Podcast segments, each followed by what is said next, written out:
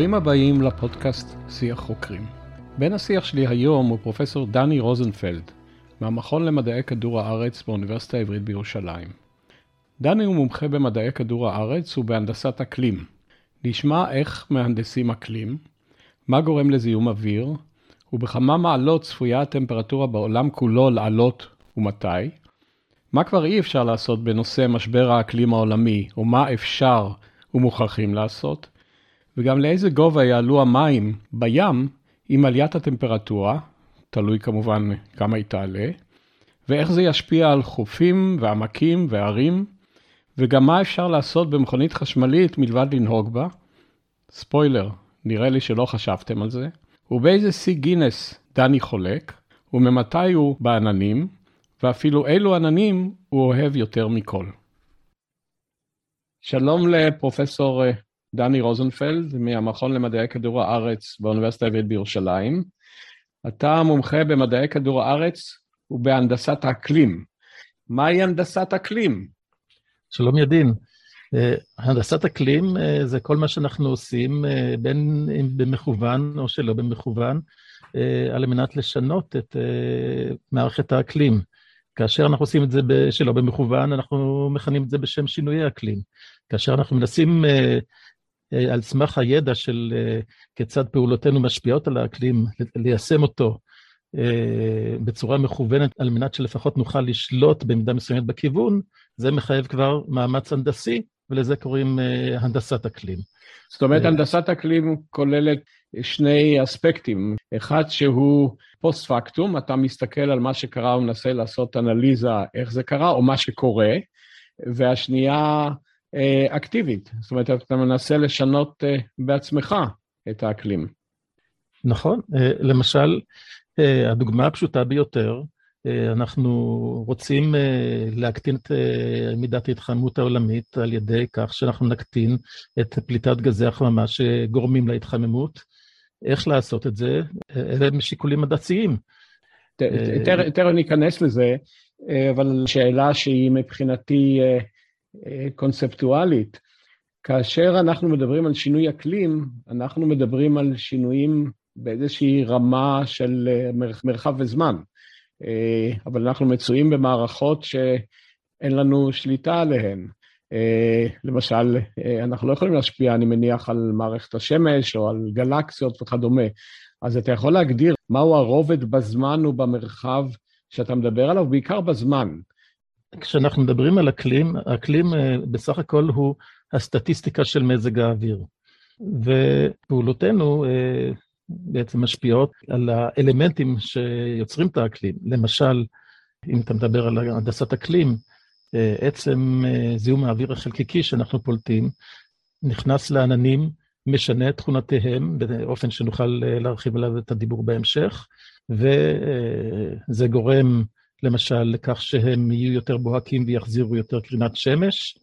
אה, יש לנו את תכונות ההמטרה שלהם, וזה משנה את הגשמים ואת, ה... ואת פילוג הטמפרטורה. פלח הזמן כאן הוא אם כך אה, אה, ימים, חודשים, שנים. מהו פלח הזמן שאתה מדבר עליו כאשר אנחנו, אתה עושה את השינוי הזה?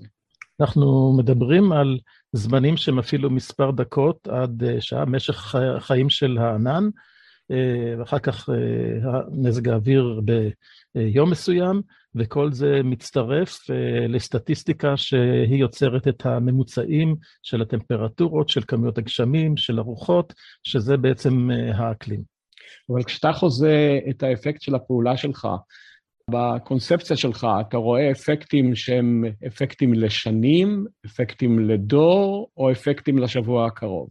יש את כל סקלות הזמן. גזי החממה שאנחנו מכניסים, אה, דו תחמוצת הפחמן, כל מולקולה שאנחנו מכניסים ל... אגב, מדוע הם נקראים גזי החממה? גז חממה הוא גז שפועל כמו אה, חממה, נגיד, אה, לגידול אה, ירקות.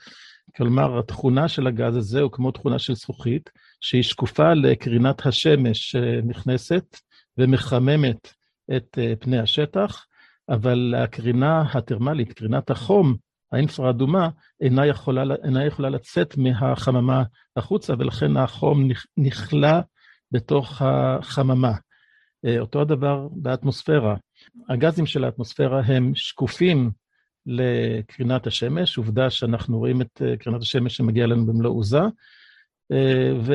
ובחלקם, כמו אדי המים ודו תחמוצת הפחמן, אטומים לקרינת החום. וככל שכמות הגזים האלה תגדל, כך יותר חום נכלל בכדור הארץ.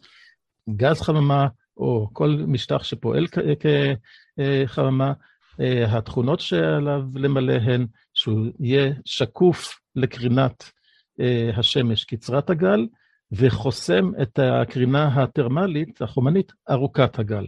אז המטאפורה של, שאנחנו מדברים על מעין שכבת פלסטיק או זכוכית, כמו בחממה ממש, היא מטאפורה נכונה לגבי הקרינה. אכן. ומה שאנחנו עושים בעוונותינו לגבי האקלים, הוא עיבוי השכבה הזו, או כיסוי של חלקים גדולים יותר? האם היא מכסה את כל כדור הארץ? דו תחמוצת הפחמן, שהוא גז חמה עיקרי מעשה ידי אדם, גם מתאן, הם חיים באטמוספירה במשך, במיוחד דו תחמוצת הפחמן חיים באטמוספירה במשך מאות ואפילו כמה אלפי שנים, חלק מה... ממה שאנחנו פולטים, וסקלת החיים הזאת היא ארוכה הרבה יותר מאשר הזמן הדרוש לערבוב הומוגני של מה שאנחנו פולטים בכל מקום על כדור הארץ, בכל כדור הארץ. ולכן תוצאה בסופו של דבר היא הגדלת כמות או ריכוז הגזים האלה באטמוספירה באופן פחות או יותר הומוגני, ולכן ההשפעה היא גלובלית על כל כדור הארץ, ולא משנה אם נפלט בסין, בארצות הברית או בארץ. אנחנו מדברים על שינויים שאנחנו עושים, שמשפיעים על גזי החממה, על ההתחממות וכדומה. האם כל השינויים האלה לא היו מתרחשים בלעדינו, או אולי אני אעשה את זה, אציג את זה בצורה אחרת, מהשינויים החלים היום בטמפרטורות של כדור הארץ למשל, מה חלקו של האדם? אולי נתחיל. בעבר הגיאולוגי. בעבר הגיאולוגי, כדור הארץ עבר שינויים גדולים הרבה יותר מכפי שאנחנו חווים כיום, וגם כפי שאנחנו חוששים שנגרום, גם במקרה שאנחנו נפעל במתכון של עסקים כרגיל.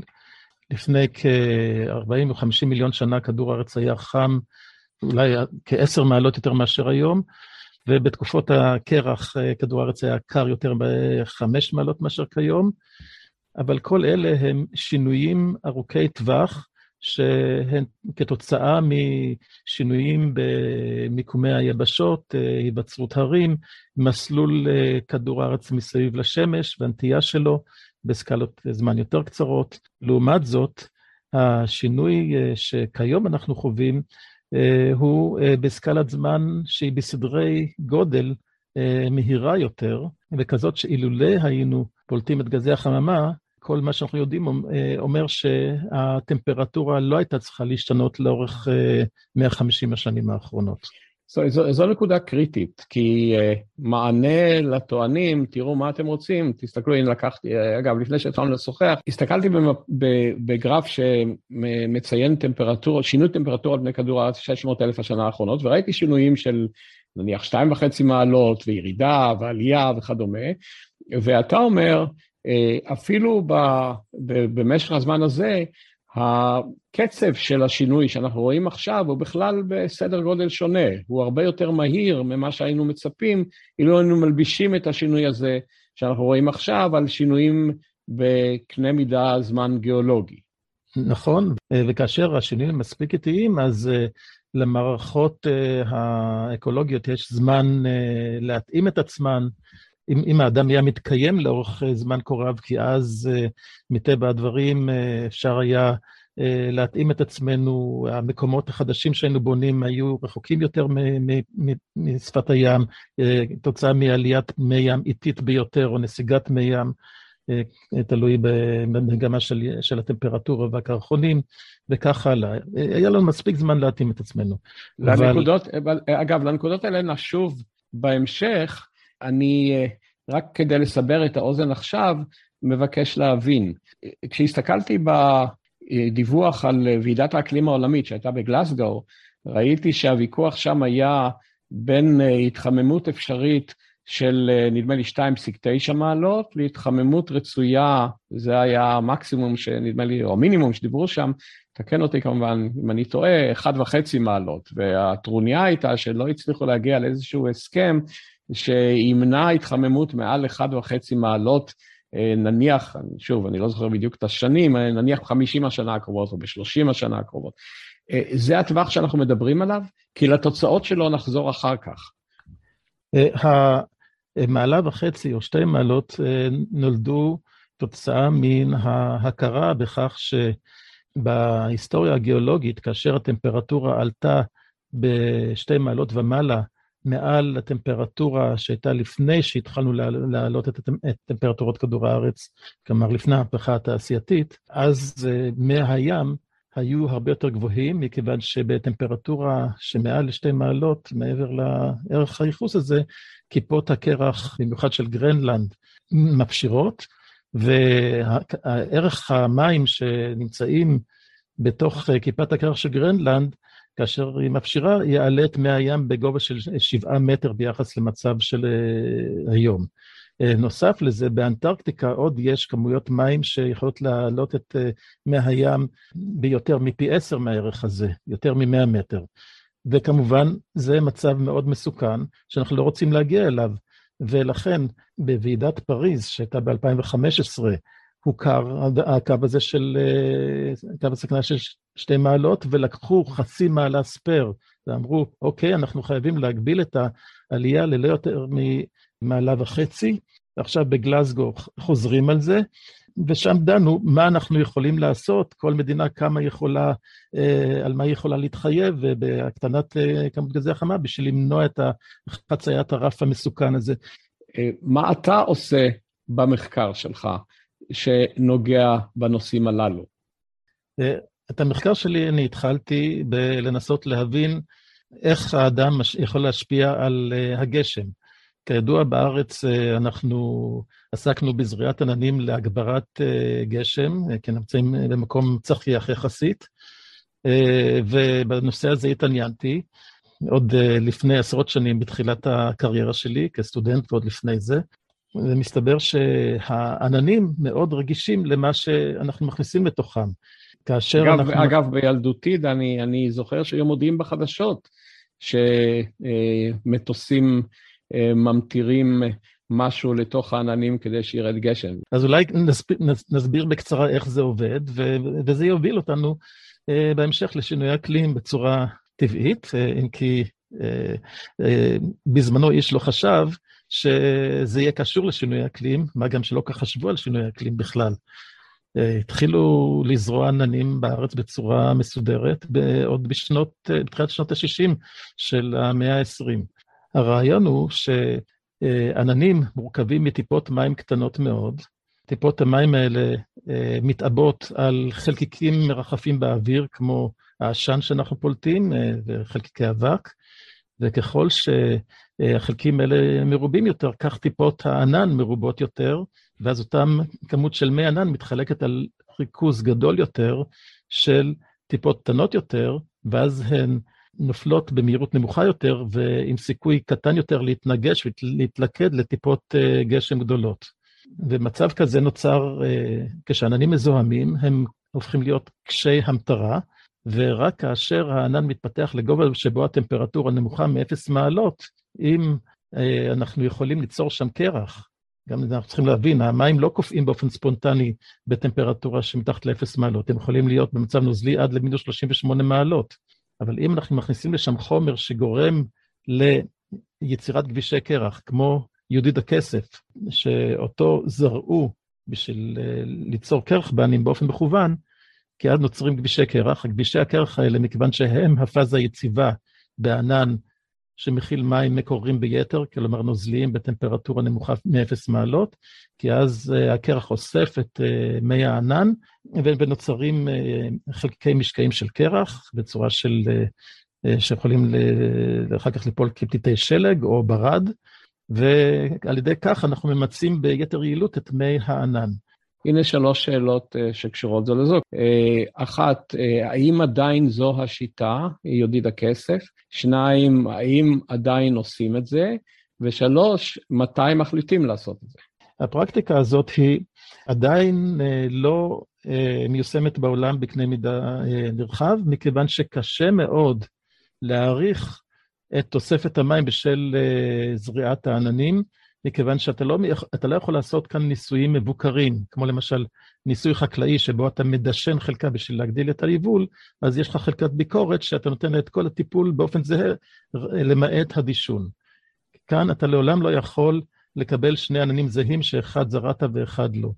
וזה אה, מכניס שונות גדולה, כתוצאה מכך, אה, לא הצלחנו להוכיח מבחינה סטטיסטית בצורה שהיא מספיק מובהקת בארץ את התועלת בזריעת העננים, אם כי אה, להערכתי אנחנו מוסיפים בסביבות 10% גשם אה, במקומות מסוימים, ומשק המים לפיכך החליט להפסיק את זריעת עננים בארץ בשלב הזה.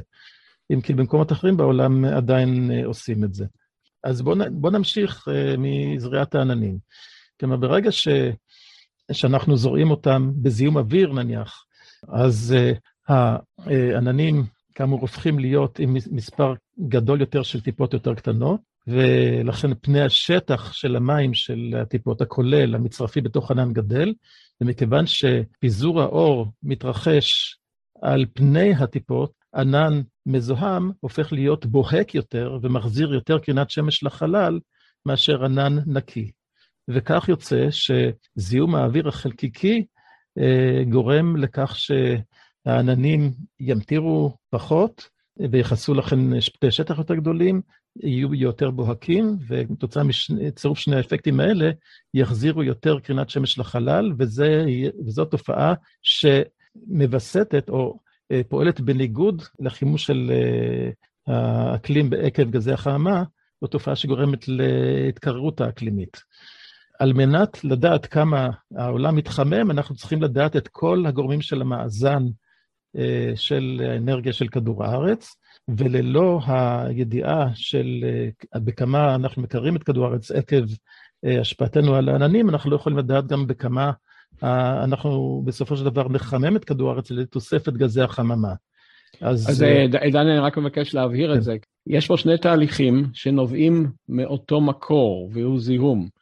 אה, זיהום יכול להשפיע בצורה מסוימת כך שתהיה התחממות גדולה יותר, כי אה, גזי החממה ייצרו את כיפת החממה, נכון. וזיהום יכול גם לגרום לכך שהעננים עצמם יהפכו למראה שתרחיק את קרינת השמש, ולכן הבלנס, שיווי המשקל בין שניהם הוא שיקבע בסופו של דבר כמה כדור הארץ יתחמם?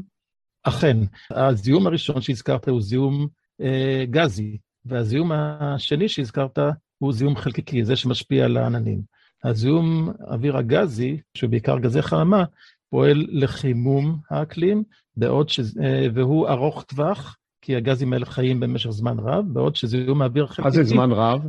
מאות שנים, אה, והולך ומצטבר באטמוספירה, בעוד שזיהום האוויר החלקיקי הוא מהיר פעולה, והוא פועל על עננים בכיוון של אה, בעיקר קירור של אה, האטמוספירה, אבל זיהום האוויר החלקיקי נשטף עם הגשם אחרי כמה ימים, ואפילו פחות. מכיוון שהפרדת כאן בין זיהום שהוא זיהום גזים לבין זיהום שהוא זיהום חלקיקי, האם אתה יכול לתת הערכה מה הגורמים האנושיים לכל אחד מהם. אותו גורם, למשל, שריפת דלק במכוניות או בתחנות כוח, פולט אה, כאשר אנחנו שורפים דלק אה, גם אה, תוצרי הבעירה שהם דו-תחמוצת הפחמן, וגם אותם חלקיקים שכאשר הם מרובים מספיק, אנחנו רואים את זה כמו עשן שיוצא מהאגזוז למשל, או מהערובה. ולשני אלה, האפקטים ההופכיים, שהם יכולים להיות די גדולים, והאפקט נטו הוא ההפרש בין שני האפקטים האלה, כאשר אה, האפקט של גזי החמה הוא גדול בערך אה, פי שניים מהאפקט לחימום, מהאפקט לקירור של זיהום האוויר החלקיקי.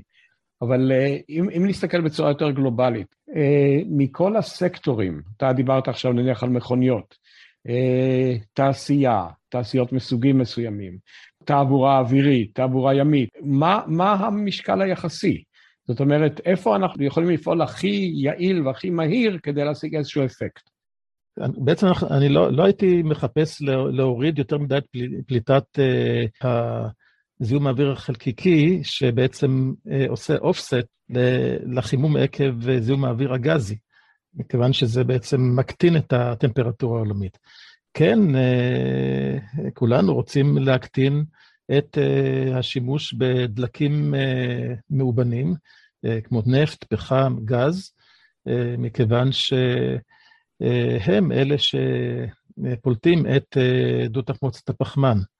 בואו נעשה את זה קונקרטי לשנייה. אם היום כולנו נחליט על שבוע ללא מכוניות, בכמה אחוזים זה ישפיע על התהליך?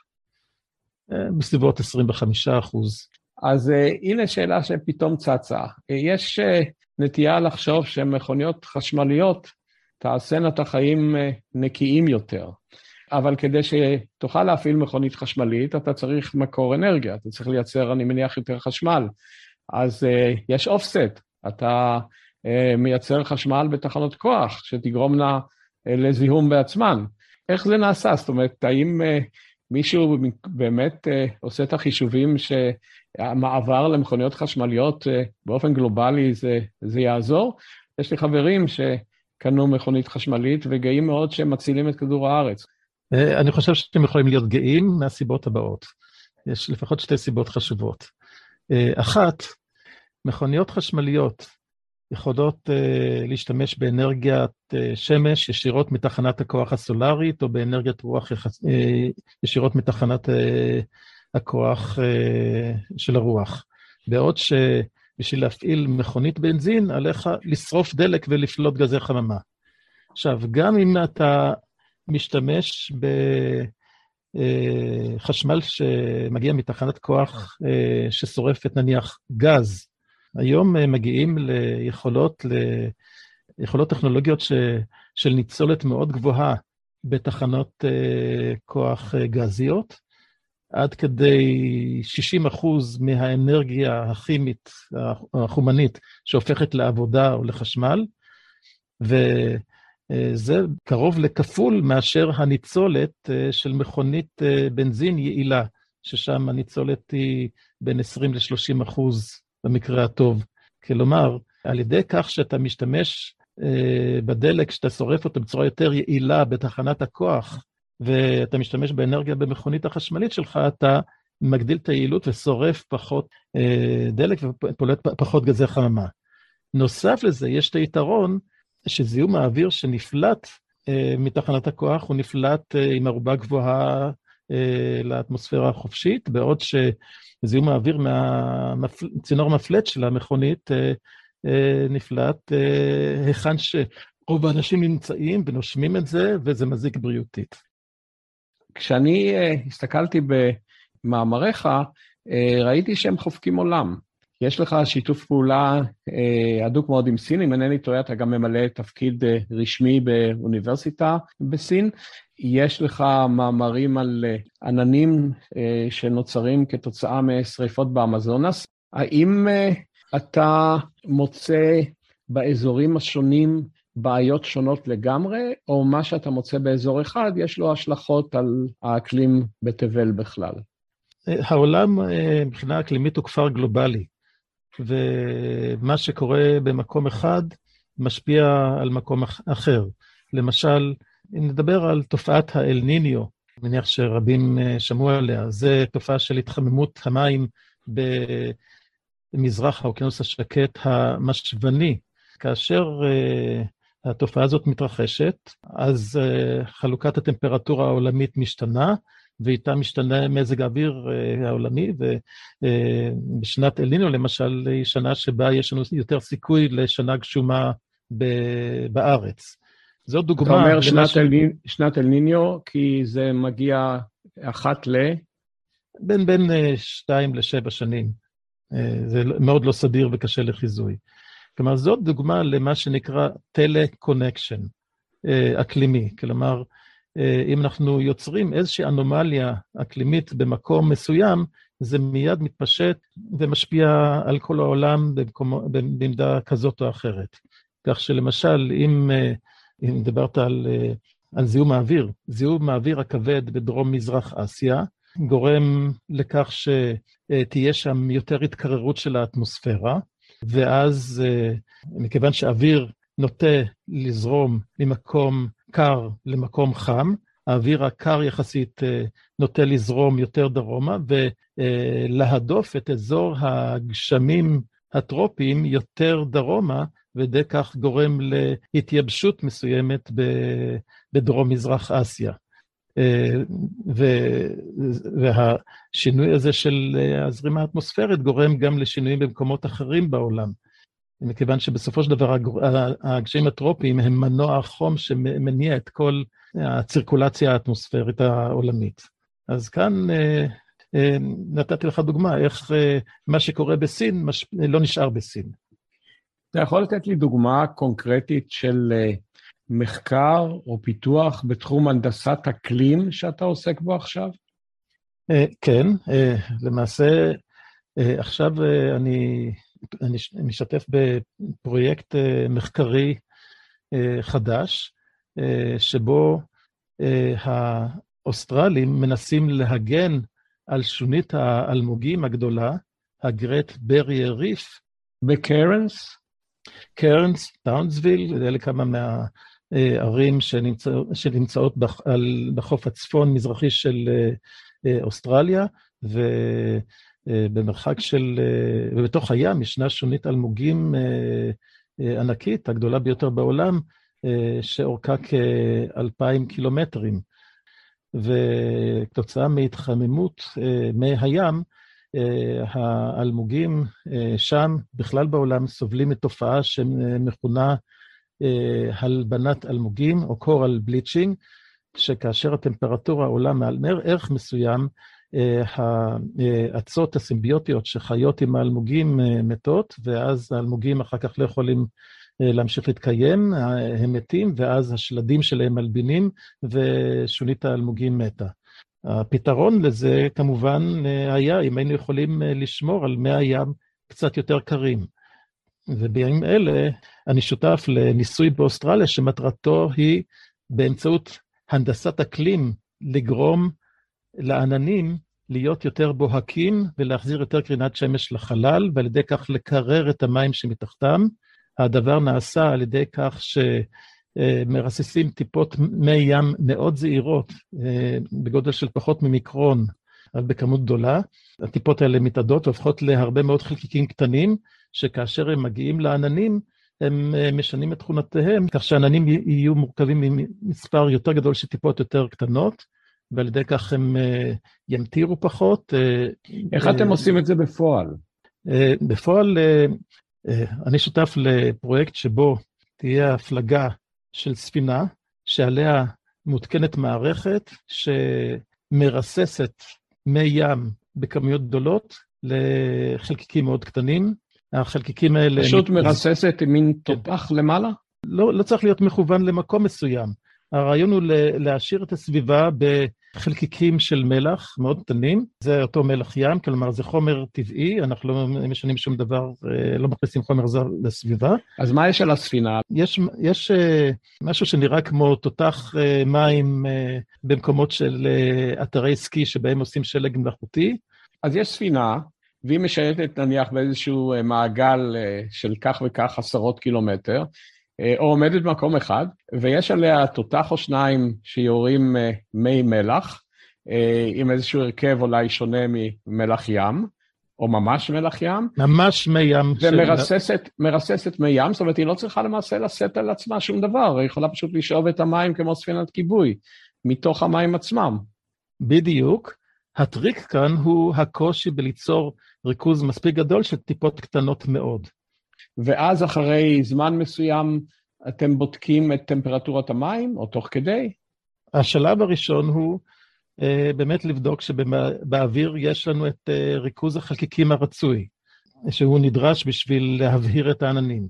השלב השני הוא לראות שהחומר אכן מגיע לעננים. תוצא, בשביל זה אנחנו, בשביל לבדוק את זה, אנחנו משתמשים במטוס מחקר שמסוגל לבדוק את תכולת החלקיקים באוויר וגם את ריכוז טיפות הענן. השלב השלישי כאמור הוא לדגום שהענן באמת משתנה כתוצאה מהחומר הזה. בשלב הרביעי הוא לראות שבאמת האנרגיה שהענן מחזיר לחלל היא גדולה יותר, ורק אחרי זה אה, יש לנו בכלל טעם לצפות לכך שהפחות אנרגיה תגיע לפני המים והמים יתקררו. באיזה שלב של המחקר זה נמצא? כיום אנחנו נמצאים בשלבים הראשונים של אה, פיתוח מערכות הריסוס. אה, כרגע עדיין אין לנו את היכולת הטכנולוגית לרסס באופן שישפיע על מערכות עננים גדולות, ולכן אנחנו מנסים להפליג עם הספינה מתחת לענן, בתקווה שככל שאנחנו נהיה שם יותר זמן עם המסת האוויר שנעה מתחת לענן, נוכל ליצור כמות מספיק גדולה של חלקיקים, ואנחנו מלווים את זה במדידות של אוויריות של התפזרות החלקיקים באוויר ושל הגעת החלקיקים לענן ומדידת תכונות הענן. ממה שתיארת אה, משתקף פרויקט שהוא מולטי דיסציפלינרי. מה צריך מהנדס אקלים לדעת? אילו דיסציפלינות? כמובן, אה, כל הנושא של אה, פיזיקת העננים, כל הנושא של אינטראקציה של קרינה עם האלמנטים השונים באטמוספירה, מטאורולוגיה, התנועות האטמוספריות, היכולת ליצור מודלים אה, אה, של מזג אוויר, ובסקאלה גדולה יותר שהופכים בסקאלה מספיק גדולה למודלים אקלימיים. האינטראקציה של זה עם אה, זרמי האוקיינוס, ולכן גם מודל אוקיינוגרפי, אנחנו צריכים לדעת אוקיינוגרפיה. אז, אז, אז בוא, בוא, בוא ניקח את זה, סליחה שאני אה, ועוד ועוד. ועוד ועוד. אז בואו ניקח את זה לצד אה, פרגמטי. נאמר שיש לנו סטודנטית או סטודנט או תלמיד תיכון או תלמידת תיכון, שהנושא הזה מרתק אותם. מה כדאי להם ללמוד אה, כדי להגיע להנדסה הזו?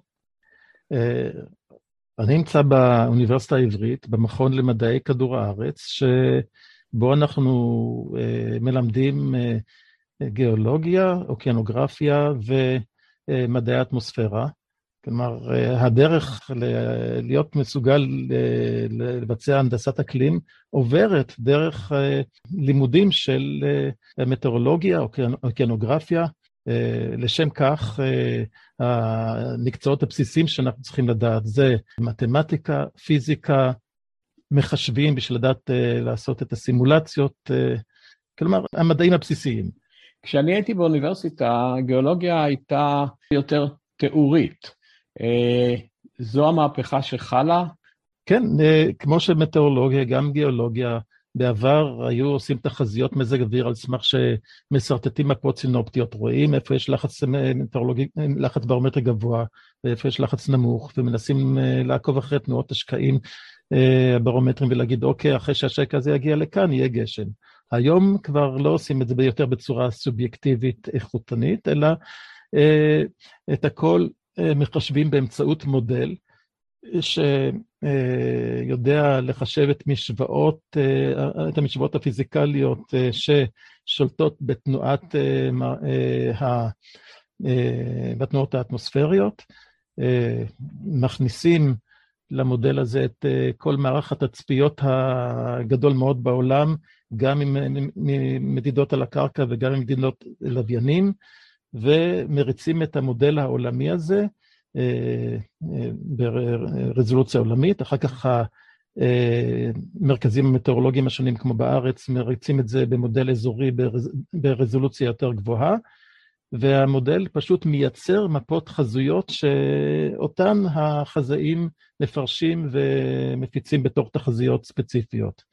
כך גם בגיאולוגיה. פעם היו הולכים ועושים מיפוי גיאולוגי בשטח, היום כבר אה, אה, חלק גדול מהגיאולוגיה זה מודלים שאיתם אה, ממד, ממדלים אה, למשל את תנועות אה, היבשות, את הכוחות הטקטוניים, אה, ש, אה, קצב הארוזיה וכך הלאה. היום אנחנו רואים את העולם דרך המחשב גם בדברים התצפיתיים ביותר. אה, לפני ש... נפנה מכאן אה, אה, מסטודנט עתיד, עתידי לסטודנט העבר, יש שאלה שאני כאילו שכחתי, או היה, הייתה ב-the back of my mind קודם, אמרנו שאם נפסיק את תנועת המכוניות, ואני מניח שאם נפסיק את התעבורה האווירית, זה אידיאליזציה, זה, לא קורה. אנחנו נוריד במידה משמעותית את הגורמים האפשריים לשינויי האקלים הלא רצויים.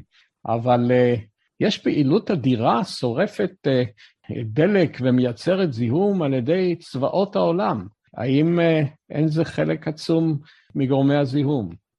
אין לי הערכה לכמה דלק נשרף עקב פעילות צבאית, אבל אם, אם, אם אתה כבר חושב על לאן אנחנו יכולים להתקדם על מנת למנוע את השריפה של דלק מאובנים, התשובה הברורה היא שעלינו לעבור לאנרגיה חליפית, וזה בעצם הנושא שעליו התחייבו המדינות בגלזגו, כולל נציגי ישראל שהתחייבו על, הפלט, על הקטנה של 80 אחוז מפליטות של גזי החממה עד שנת 2050, ונט זרו, או, או, או, או אפילו קודם, באיזשהו שלב להגיע לנט זרו, כלומר שכל אנרגיה ש, שמשתמשים בה, היא תהיה כזאת שבאופן כולל היא לא תעשיר את כמות גזי החממה באטמוספירה. חש, חשבתי שאתה תענה שהפתרון הכולל צריך לכלול שלום, שלום עולמי. שלום עולמי? לא, כן, כן זה, זה לא, לא יקרה. לא יעזור לנו כאן לא במקרה הזה. הדרך ל, ל, לפליטה אפס של גזי חממה כמובן עוברת דרך 100% של אנרגיה מתחדשת. מבחינה זאת, אנחנו באזור שהוא מאוד נדיב מבחינת השמש, ואין בעיה עקרונית להשתמש באנרגיית שמש לכל מה שאנחנו צריכים. החסם העיקרי הוא האגירה של האנרגיה מזמן זריחת השמש לזמן הצריכה שלה. וכאן שוב, המכונית החשמלית יכולה להיות סוג של פתרון. תארו לעצמכם שלכל המכוניות החשמליות יש טעינה דו-כיוונית, כלומר גם אפשרות של קניית חשמל מה... מרשת החשמלית וגם אפשרות של מכירת חשמל.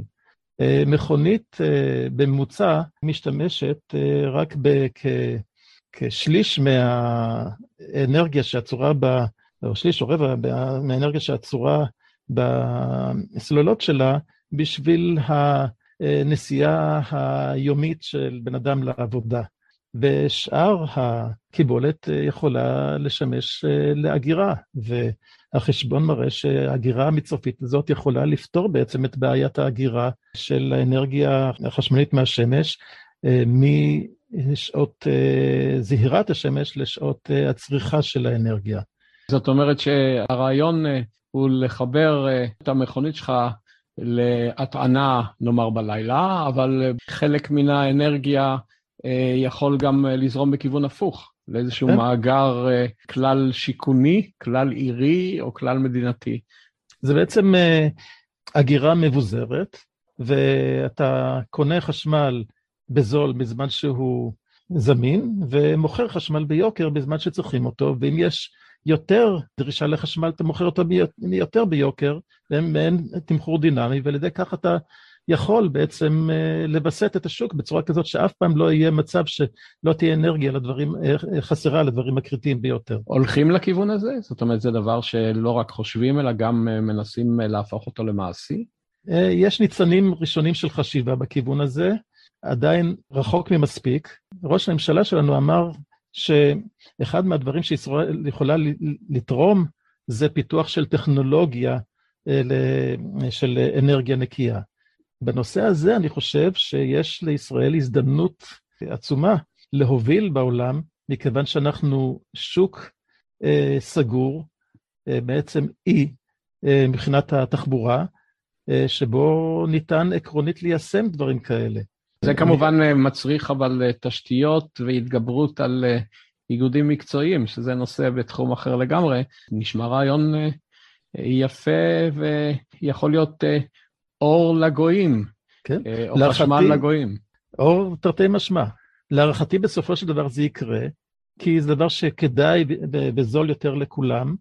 סך הכל חשמל סולארי היום זול יותר בפתח תחנת הכוח הסולארית מאשר חשמל uh, מדלקי מאובנים בפתח, תחנת הכוח הגזית או הפחמית, והחסמים של ההגירה גורמים לכך שזה עדיין uh, לא יהיה מאוד uh, כדאי מבחינה כלכלית, אבל אם אנחנו פותחים את החס... פותרים את החסמים האלה, כי אנחנו פותרים כשל שוק שבסופו של דבר יהיה כדאי יותר לכולם, גם בלי קשר לבעיית האקלים. לכן אני חושב שבסופו... יקל על המצפון של מי שנוסע במכונית. אני לא רק נוסע ממקום A למקום B, אני גם תורם ליכולת האנרגיה של החברה שלי. נכון. עכשיו, מבחינת התגברות על רגולציות ואינטרסים, בסופו של דבר נצטרך לעשות את זה. אז למה לעשות את זה מובלים באף על ידי אחרים בעוד אני לא יודע כמה עשורים? עדיף לעשות את זה בתנאים שלנו ולהוביל את העולם ועל ידי כך להיבנות כלכלית. דני, איך אתה עצמך הגעת לתחום הזה? אתה יכול להתחיל אה, משלב אה, מוקדם בחייך? זאת אומרת, אתה אה, שכבת על שפת הים וראית עננים ואמרת, וואו, זה מה שאני רוצה לעשות? אני לא יודע, זה, זה, הייתי אומר שזה מצא אותי, ולא שאני מצאתי את זה. אני זוכר שעוד כילד אה, קטן, הייתי מוקסם מהעננים. ו...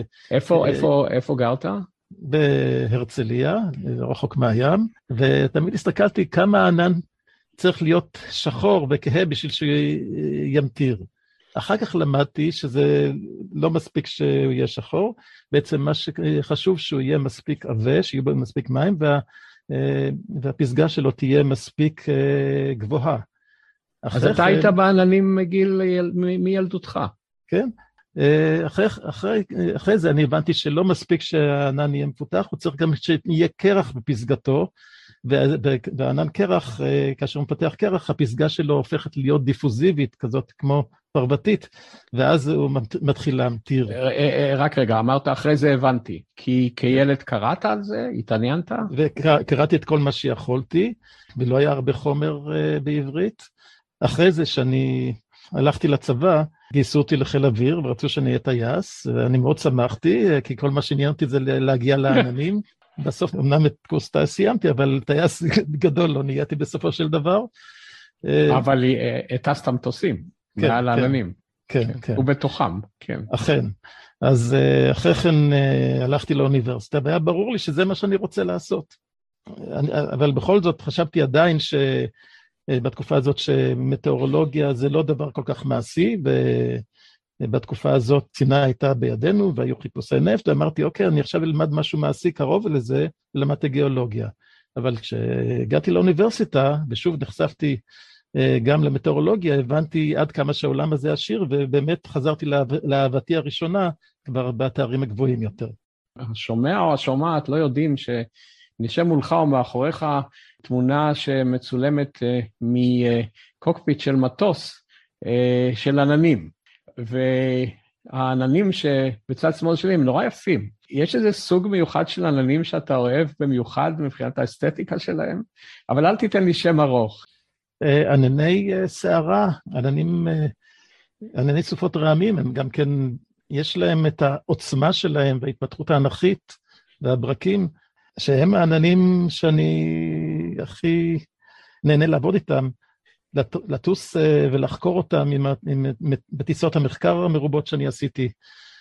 ואחד מהאנקדוטות שהיו לי בטיסה כזאת, היא פשוט למצוא עד לאיזה טמפרטורה המים יכולים להיות בתוך הענן במצב נוזלי ולא לקפוא, למרות שהיא הרבה יותר נמוכה מאפס מעלות. אז uh, מסתבר שבענני uh, סופה... רגע, ב... איך עשיתם את זה? אתה טסת במטוס, איזה סוג מטוס זה? מטוס קל? ב... מטוס מנהלים סילוני. טסתי במטוס כזה שמצויד במכשירים שמסוגלים למדוד את uh, הרכב הענן, uh, והגענו עד לטמפרטורה של מינוס 38 מעלות, במינוס 37 וחצי אה, הכל היה מורכב מטיפות אה, ענן קטנות, ובמינוס 38 מעלות אה, כבר כל הטיפות האלה בבת אחת קפאו באופן ספונטני, לאותו מספר של כבישי קרח. זה היה בשנת 2000, וזו הייתה הפעם הראשונה שמישהו תיעד מים כל כך קרים בעננים, וזה גם נכנס בזמנו בתור שיא גיניס. זה היה בארץ אגב, הטיסה הזו? זה היה במערב טקסס. מרגישים את זה במטוס, כשבפנים, חוץ מהמדידה?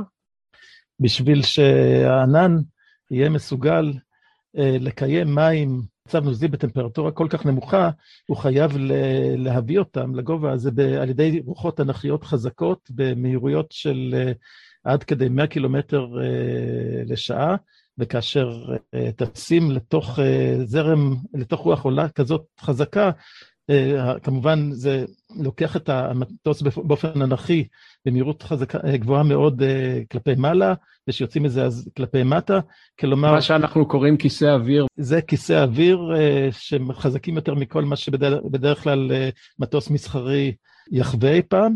כמובן אנחנו קשורים היטב, וכל מה שלא קשור יכול להיות על תקרת התא באותה מידה כמו שעל רצפת התא במטוס. לקראת, אנחנו מתקרבים לקראת סיום, ואני מבקש לחזור לנושא שהתחלנו איתו, והוא עליית טמפרטורה. כי בסופו של דבר, לאדם מן היישוב, המודלים והמדיניות היא ודאי מאוד מעניינת, אבל אה, אדם רוצה לדעת מה פירוש הדבר. אה, עולה הטמפרטורה באחד וחצי מעלות אה, תוך נאמר דור, מה, במה זה מתבטא? הטמפרטורה הממוצעת, היא עולה בשלוש מעלות. במה זה כרוך? אז אולי ניקח דברים שהם קונקרטיים לנו פה. אנחנו בארץ ישראל, מה יקרה מבחינת אה, אה, גובה המים בעלייה של שתי מעלות? אם אנחנו נגביל את העלייה לשתי מעלות, אז ככל הנראה, אה, בוא נגיד עד סוף המאה ה-21, ככל הנראה מי הים יעלו בלא יותר ממטר מקסימום מעל המצב של היום, וזה מצב שבארץ, בגלל העובדה שיש לנו מצוק חופי לאורך אה, רוב חוף הים, לא, לא, לא יקרו אסונות מיוחדים. אה, אבל אנחנו כן חייבים להגן על אה, המצוק, למשל באזור נתניה ובאזור אשקלון, שהגלים לא יחתרו אותו ולא תהיינה התמוטטויות של בתי, שורת בתי המלון היפים לאורך אה, שפת הים. ועל, אני מניח, כמה מסעדות כן, בנמל תל אביב, אם כי שם אני לא חושב שזה מטר. ב... מסתבר שלאפרים קישון, קישון היה, היה חזון, בסרטו תעלת בלאומילך, שהוא באמת לקח את האזור הנמוך ביותר ברחוב אלנבי, ובסרט הקומי הזה דימה שם אה, איזה מישהו משוגע שחופר תעלה כמו בוונציה, ובאמת מתמלא במים. יכול אה, להיות ש... לא, לא צריך תעלת בלאומילך, אתמול בקריית המדע ברחובות, היא הפכה לאגם, אבל זה לא בגלל אני מניח תעלות בלאומילך שחפרו אותן, אולי בגלל תעלות בלאומילך שלא חפרו אותן. דרך אה, אגב, גם אה, הגשרים הקיצוניים האלה אה, הולכים ומתרבים ככל שהטמפרטורה הולכת ועולה, כי כאשר הטמפרטורה גבוהה יותר, קיבולת האוויר לאדי מים גדולה יותר, ואז כאשר ישנה מערכת גשם שממצה את המים האלה מהאוויר, היא מסוגלת להמטיר יותר. אז אנחנו רואים את זה גם בחיי יום-יום. בהגדלת אירועי הקיצון של כמויות הגשם המרובות, אה, למרות שסך הכל כמות הגשם אה, אינה גדלה ואפילו קטנה. אז שינוי אה, של שתי מעלות, לפי המודלים שיש לכם היום, הוא אולי לא נעים מבחינת עליית פני הים, אבל לא נורא, אפשר להתכונן אליו, אבל זה לא השינוי היחיד שיקרה, יהיו גם שינויים אחרים מלבד עליית פני הים. הנקודה היא שזה מה שאנחנו שואפים אליו, לא להעלות את השתי מעלות, אה, אבל אה, נראה שאנחנו אה, איחרנו את היעד הזה, והעלייה... אז בוא ניקח, אז בוא ניקח מקרה חמור יותר, שלוש מעלות. אם, ה... אם נמשיך במה שנקרא, בתרחיש של עסקים כרגיל, כלומר, מבלי לעבור לאנרגיה מתחדשת בקצב גדול יותר מאשר היום, אז הטמפרטורה יכולה לעלות עד כדי 4, בין 4 ל-5 מעלות. ואז כבר... מה זה אומר מבחינת זה... עליית פני הים? זה, זה אומר uh, הפשרה של uh, גרינלנד ומערב אנטרקטיקה בקצב שאנחנו עוד לא יודעים בדיוק לכמת. כלומר, עליית, עליית מי ים שתגיע למספר מטרים ב-100-200 שנים הבאות, צפה של אזורים, אזורים נמוכים בארץ כמו עמק זבולון ואזורים הנמוכים בתל אביב. אם כי אנחנו עדיין במצב טוב יחסית, אבל למשל כל אלכסנדריה תוצף, לונדון, מיאמי, קלקוטה, שנגחאי. חלקים ממנהטן. נכון, נכון. כן, שכבר הוצפו כאשר היה שם צירוף של גאות גבוהה ורוח חזקה עם הוריקן סנדי. כל מיאמי תוצף, הנקודה הגבוהה ביותר במיאמי היא סך הכל שבעה מטר מעל פני הים. כן, אולי זאת הסיבה שכשהייתי שם פעמים אחדות כדי לסייע בפילנטרופיה על מכון ויצמן, לחלק מהאנשים הייתה יאכטה על יד הבית, אבל אני מניח שזו לא הסיבה היחידה. דני, אני מבקש לסיים בתחזית, אבל לא בתחזית מזג האוויר למחר, אלא בתחזית האישית שלך, עוד uh, 30 שנה. מה לדעתך תהיה עליית הטמפרטורה עוד 30 שנה בעולם? זה, זה טווח uh, קרוב יחסית, uh, שאותו אנחנו יכולים כבר לחזות בדיוק די גבוה, מכיוון שכמות גזי חממה... במצבים ש... שבהם לא עושים דבר, זאת אומרת, business לא, as usual. כבר לא כל כך משנה מה נעשה, גורל השלושים השנה הבאות כבר חרצנו על ידי כמות גזי החמה שכבר פלטנו לאטמוספירה. לכדור הארץ יש זמן תגובה איטי יחסית, ולכן הטמפרטורה תעלה בשלושים השנים הבאות, ככל הנראה בסביבות בין חצי מעלה למעלה מעבר למה שכבר התחממנו עד היום. כלומר, סך הכל, אם עד היום התחממנו 1.1 מעלה, אז אנחנו נעבור כבר את המעלה וחצי בקצת, יכול להיות שנגרד את השתי מעלות. אבל מה שנעשה כיום ישפיע על מה שיהיה אחרי טווח הזמן הזה. ולהערכתי, התרחיש הסביר ביותר הוא איזשהו תרחיש ביניים בין התרחיש האופטימי שבו מגבילים לשתי מעלות והתרחיש של עסקים רגיל, כרגיל של ארבע וחצי מעלות, כלומר התחממות עד סוף המאה של בסביבות שלוש, שלוש וחצי מעלות, שזה, שזה כבר הרבה מאוד, עליית מי, ים שתהיה קשה במקומות מסוימים, אירועי קיצון שאנחנו לא ידענו כמוהם, של שיטפונות, בצורות, גלי חום וסופות. אנחנו צריכים לבנות את היכולות בשביל להתגבר על הבעיות האלה, תוך כדי כך שאנחנו מנסים למזער את פליטת גזי החמה ולעבור לאנרגיה חליפית נקייה ככל האפשר. זה לא רק נכון מבחינה אקלימית, זה נכון מבחינה סביבתית ומבחינה כלכלית, גם ללא שינוי. ומבחינה בריאותית, אני מניח. כן, מבחינה סביבתית בריאותית. כלומר, זה הדבר הנכון לעשות, גם אילולא היה האיום של התחממות עולמית, לדעתי. זאת אומרת, הדור הצעיר, כאשר הוא דואג לסכנות שינויי האקלים, הוא דואג גם לא רק לעצמו, אלא לדורות שבאים אחריו, כי קצב ההגבה של כדור הארץ הוא איטי יותר ממה שאנחנו נוטים לחשוב בחיי יום-יום. אכן, גם קצב הגבה איטי וגם האפקט הוא מצטבר. כלומר, אם אנחנו, ככל שאנחנו נפלוט יותר גזי חמה לאטמוספירה, הוא יצטבר, ואם נתעורר, נניח רק בעוד מאה שנה, להפסיק את, ונפסיק את פליטת גזי החמה באופן אבסולוטי, כי אז האקלים יישאר חם ברמה של פלוס ארבע וחצי, פלוס חמש מעלות, ולא יתקרר מיד כפי שהיה קודם, אלא כל מה שנשיג זה שהאקלים לא יתחמם עוד יותר מעבר לערך הגבוה הזה.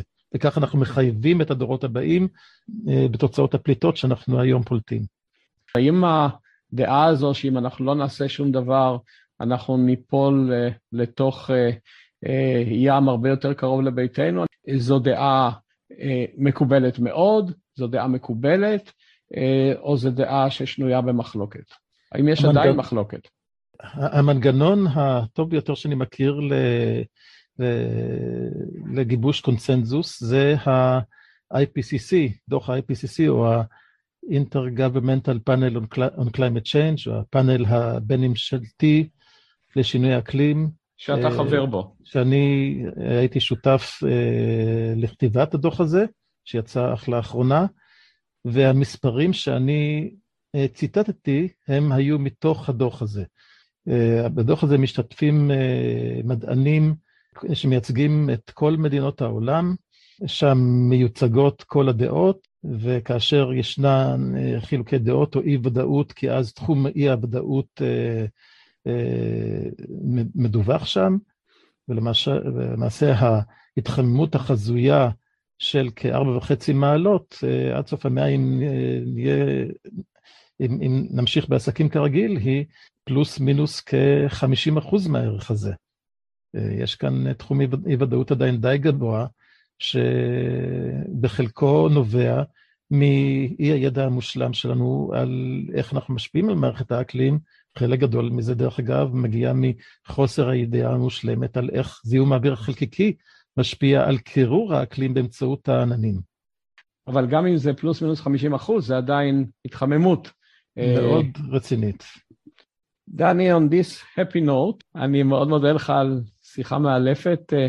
אני מסתכל החוצה היום אה, יום נאה, ואני מקווה שהדורות הבאים ייהנו מימים וטמפרטורות כאלה, ושהדורות הקודמים להם אה, יעשו מה שאפשר כדי שהם יוכלו ליהנות מזה. המון תודה, דני. בבקשה.